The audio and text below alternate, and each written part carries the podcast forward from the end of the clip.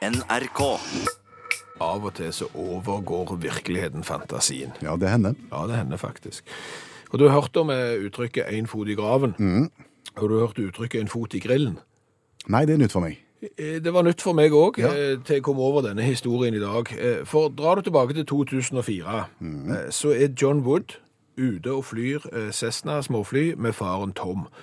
Eh, Tom har bra med penger, for han driver stort i, i, i møbler i byen der han holder til, og, og har da råd til fly. Far og sønn er ute og flyr. Ja, Så flyr de, og det går ikke godt. Oi sann, styrter de? Ja, eh, de gjør det. Eh, Tom, faren, omkommer. Eh, John, sønnen, eh, han må amputere den ene foten. Han overlever.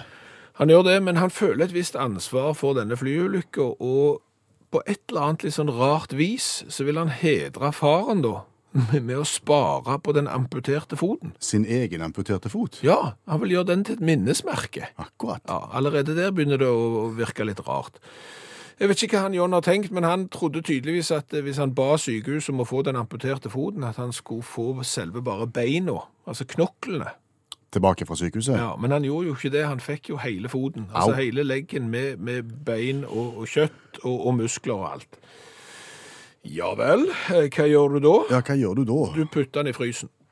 Ja, det ville jeg kanskje gjort også. Ja, men så går strømmen da på fryseboksen din. Eh, jo. Eh, men heldigvis så har jo John da en kamerat som jobber på Hardys. Det er en sånn fast feud-kjede. Fast feud-kjede i USA. Så da legger de han i fryseren der. Sammen med burgere og pommes frites. Ja, helt til, til sjefen eh, finner ut at det, der ligger en fot her.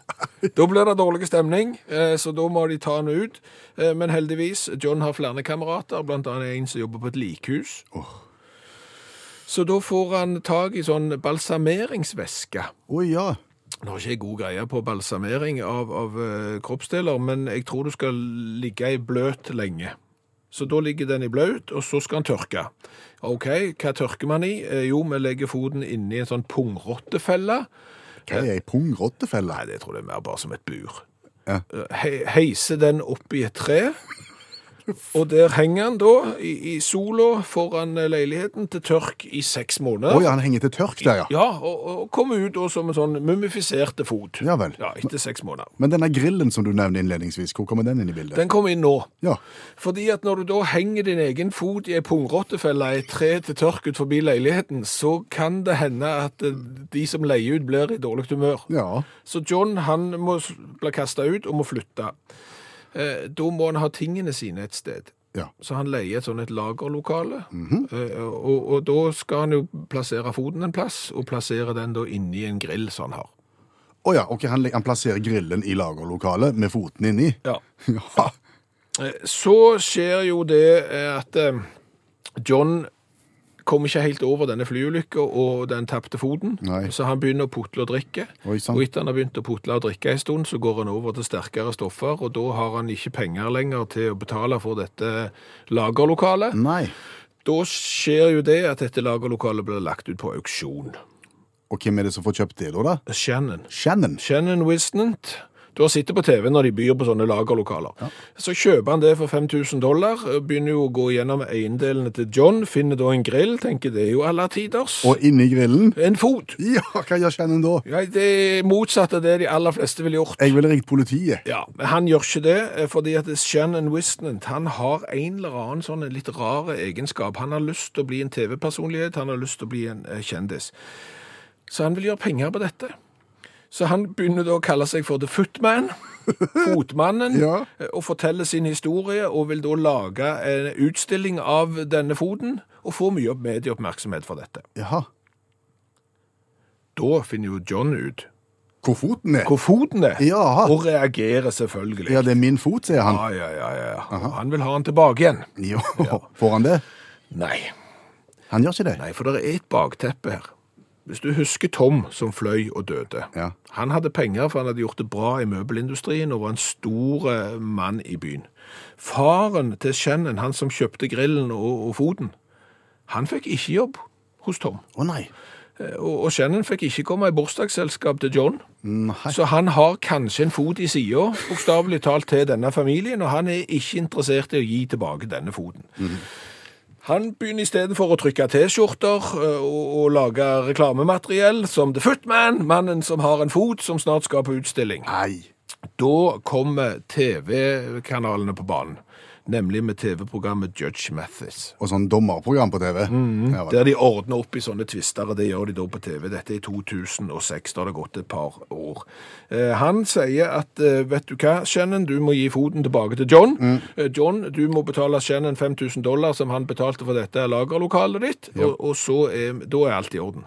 Men så er jo greia det at han har jo putla og, og drevet med narkotika og sånn. Så han har ikke John. penger, han? Han har jo ikke penger, men han der dommeren her på TV, han har penger. Å ja. Så han gir han penger til å gå på avrusningsklinikk, ordne opp, får seg jobb, og, og klarer liksom å stable livet sitt eh, t- tilbake igjen, og får foten sin. Å ja, så da endte det godt, da. Ikke helt. Nei. For Shannon, Og han som fant foten. men så mister han igjen, Ja. eh, han konkluderer da med at det er denne grillen her, som er en forbannelse. Så han hiver den grillen på sjøen, og annonserer at han stiller som presidentkandidat til presidentvalget i USA i 2016. Og vi vet hvordan det gikk. Ja, det vet du ikke, for han døde nemlig av hjerteinfarkt november 2016 og fikk egentlig aldri sjansen til å bli da president. Skulle vi fortalt litt om eh, da vi var ute for å handle brødmat nå rett før sending? Ja, det kan vi godt, for det var du som opplevde det, for det var jeg som handla. Ja, la oss fortelle om det.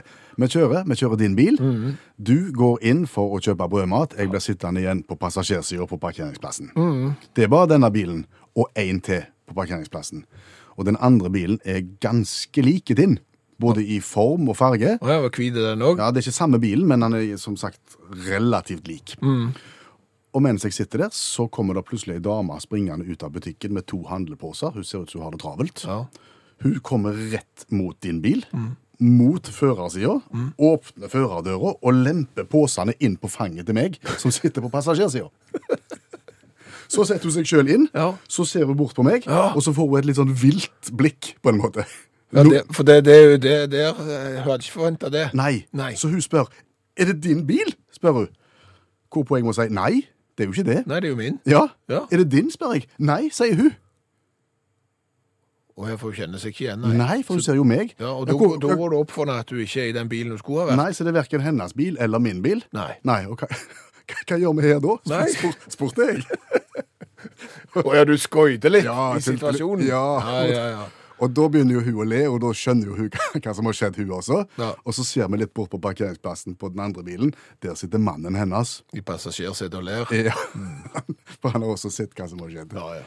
Opplevd det før?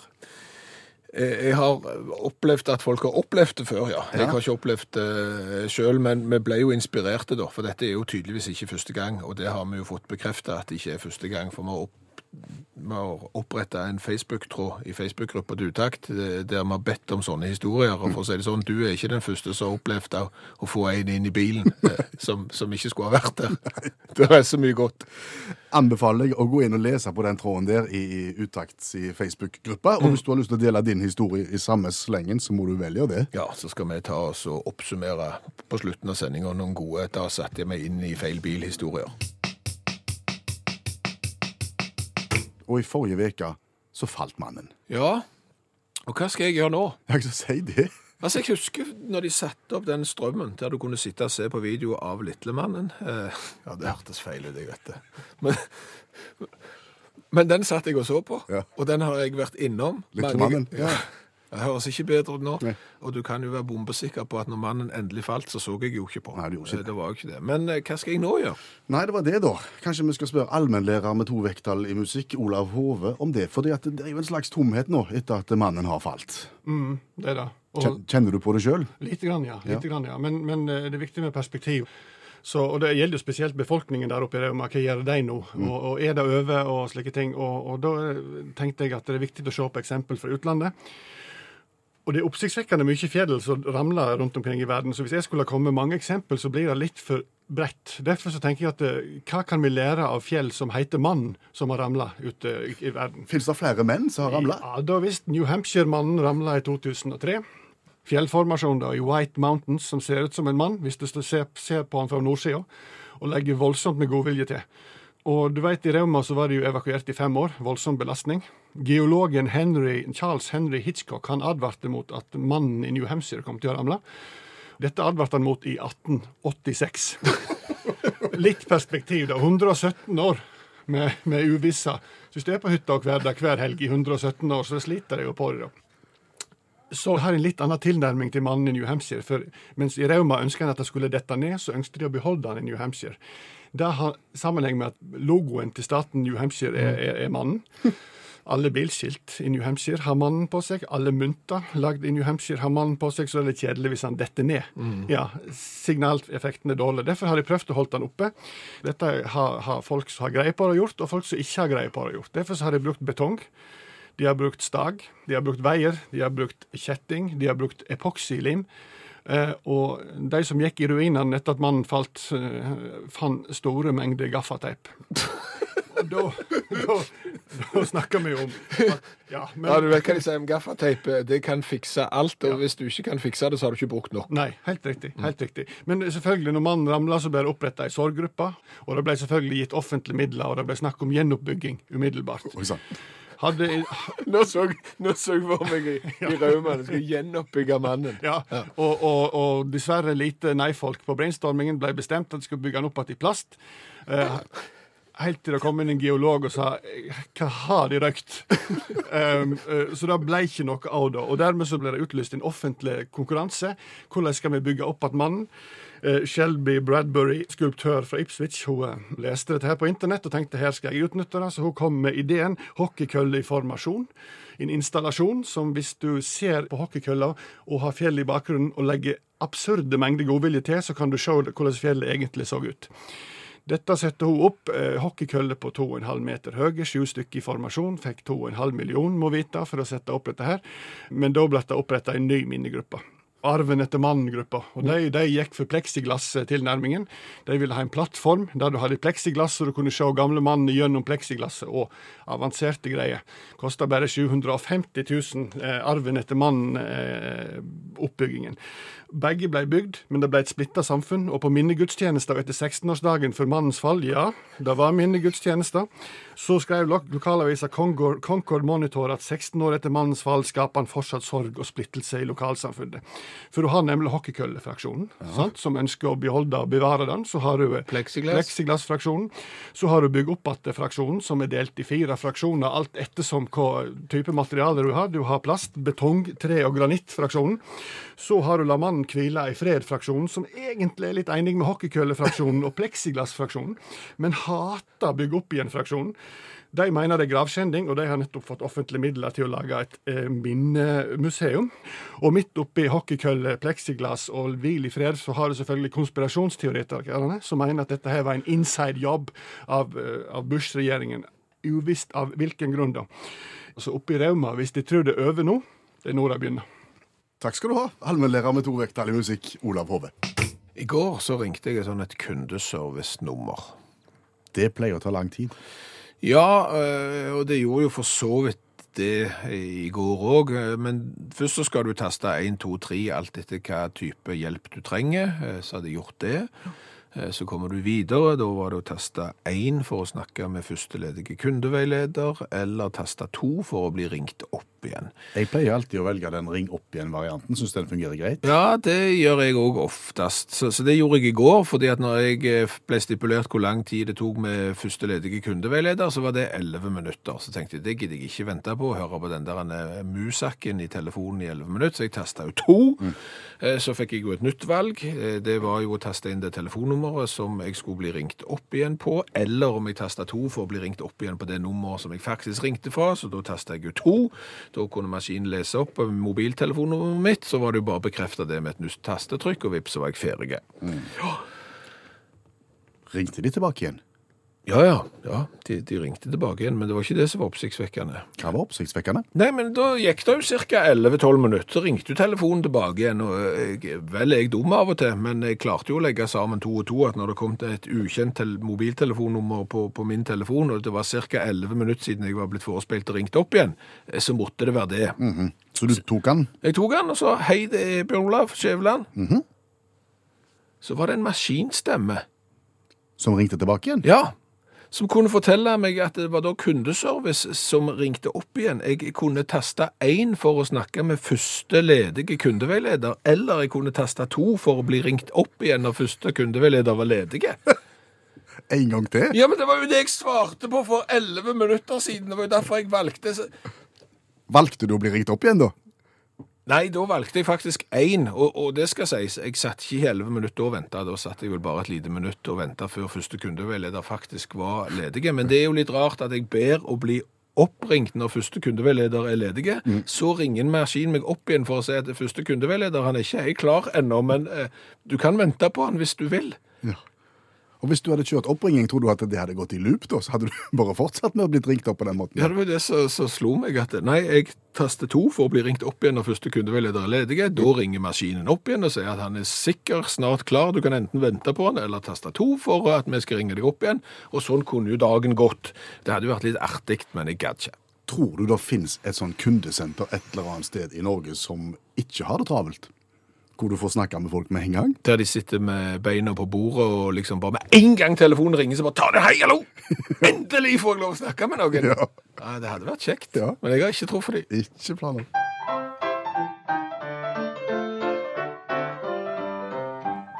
Dette er dagens revyviser. Ja, der skal jeg synge om en liten hendelse som har eh, skjedd i USA. Ja, Nærmere bestemt i Montersville. hvor er vi da? Eh, Washington DC, hovedstaden. Ja. Mm. Eh, hvis du drar rett nord av den, eh, så langt nord at du får New York på høyre side, Å ja. på, på høyde med New York, da er du i Montersville. Og det historien handler om, og og den sånne historier har du hørt før, men ikke nødvendigvis med samme utgang, det er når noen plutselig får en haug med penger inn på konto som ikke er deres.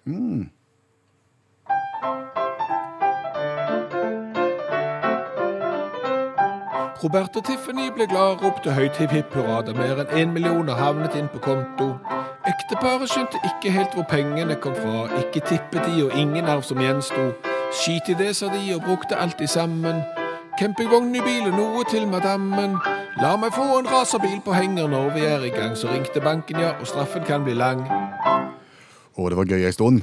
Det var kjempegøy en stund, den der følelsen når du kikker på kontoen din og ser at oi, der er kommet inn 120 000 amerikanske dollar. Det var kjekt. Eh, 1,2 millioner kroner. Ja, Ca. en million eh, kroner. Hvor i all verden kommer de fra? Har ikke peiling, skal vi bry oss om det? Svaret er nei. Det er da det 36 år gamle ekteparet Robert og Tiffany Williams eh, som opplevde dette. Da kjøpte de seg en Chevrolet SUV, en sånn stor bil, eh, kjøpte seg campingvogn, eh, kjøpte seg raserbil eh, med in inklusiv biltilhenger, og så sanerte de bitte litt gjeld. Ja.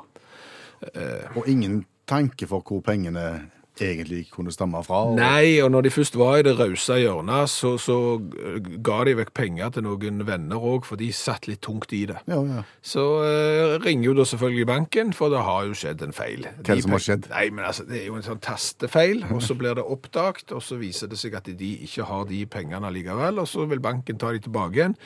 Og vips, så var kontoen som inneholdt 1000 dollar før dette skjedde, overdroget med over 120 000 dollar når banken var ferdig med å ta de tilbake igjen. For da hadde du ikke dekning. De Nei. hadde brukt de opp. Ja.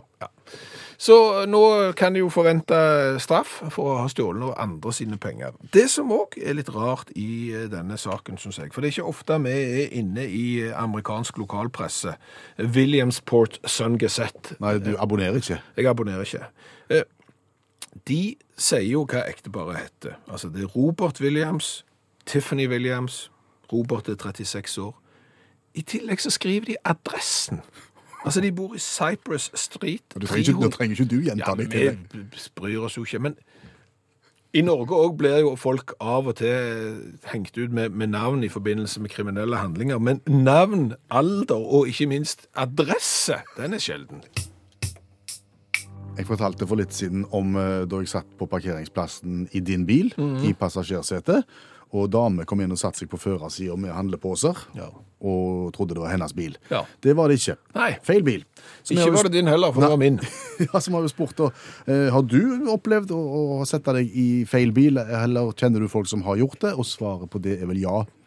Absolutt. Eh, Facebook-gruppa til Utakt har nå og nærmere 60 historier eh, å by på. Eh, Vi har tatt et lite skjønnsomt utvalg. Skjønnsomt? Er det et ord, det? Jeg vet ikke. Nei, ikke helt.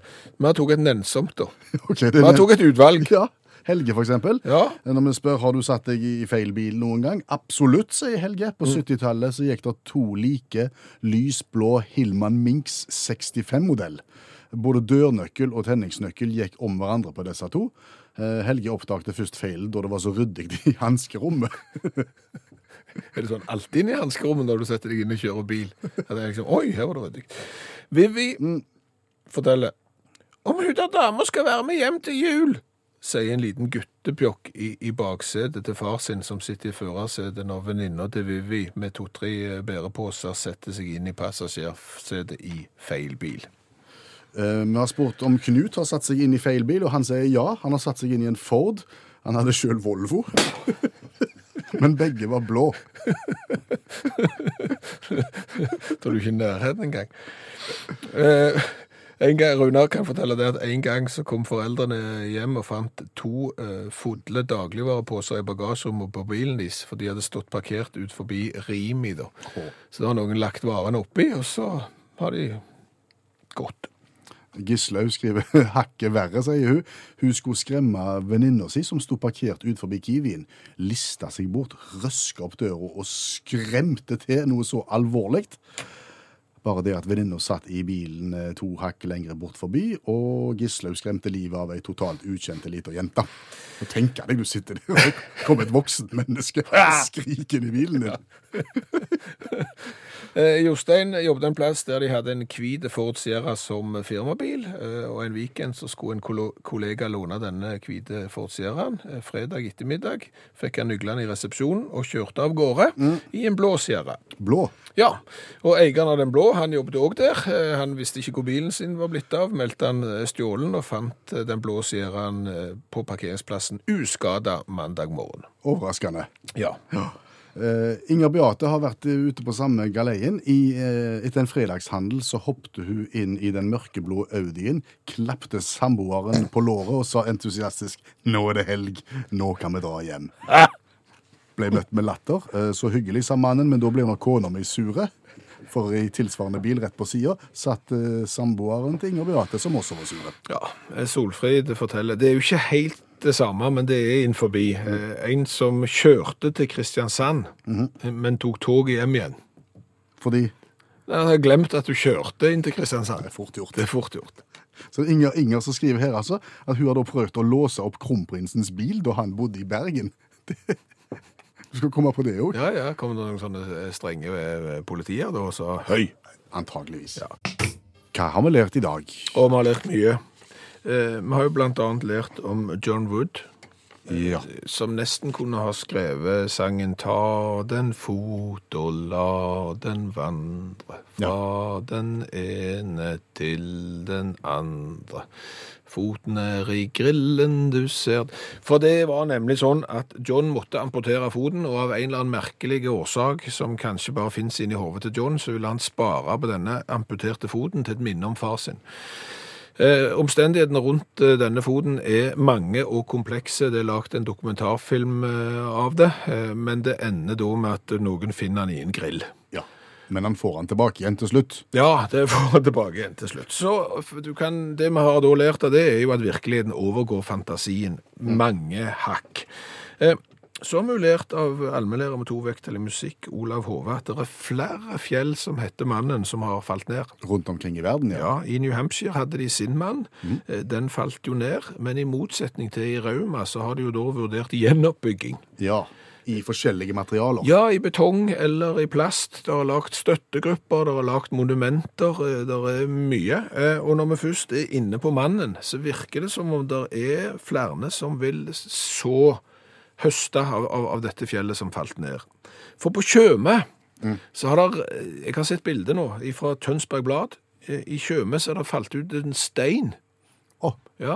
en, en liten stein. Ja, det er ikke- ikke kjempestor, men han er litt stor, og sånn at du må sette sånn sperrebånd rundt han. Men det er én stein som falt ut, da. Eh, og Den har falt ca. en halv meter ned. Og der står det 'Bekymret etter raset, det ser litt ut som Veslemannen'. De, det gjør ikke det. Å nei. Nei, jeg har sett bildet. Det ligner ikke på Veslemannen i det hele tatt, faktisk. Så mulert det av eh, lokalpressen i USA at de har eh, De går relativt langt i å identifisere. De gjør det fordi at eh, ektepar eh, Robert og Tiffany eh, fikk eh, en million kroner inn på kontoen sin som ikke var deres. I i motsetning til det de fleste ville gjort, nemlig å finne ut eh, hvem det var sine og fått gitt de tilbake igjen, så brukte de de opp. Og vel så det. Da skriver Williamsport Sun Gazette at disse heter Robert Williams og Tiffany Williams. De er 36 år gamle, de bor i Montersville i gate 303 Cypress Street. Stort tydeligere kan du ikke gjøre det hvis du først skal identifisere. Nei. Så det har vi jo eh, lært. Så har vi jo lært eh, helt til slutt at det er svært mange som har satt seg i en bil som ikke er deres, men de trodde det var det. Ja, Og anbefaler alle historiene som du kan lese i Utakts i Facebook-gruppa. Hør flere podkaster på nrk.no podkast.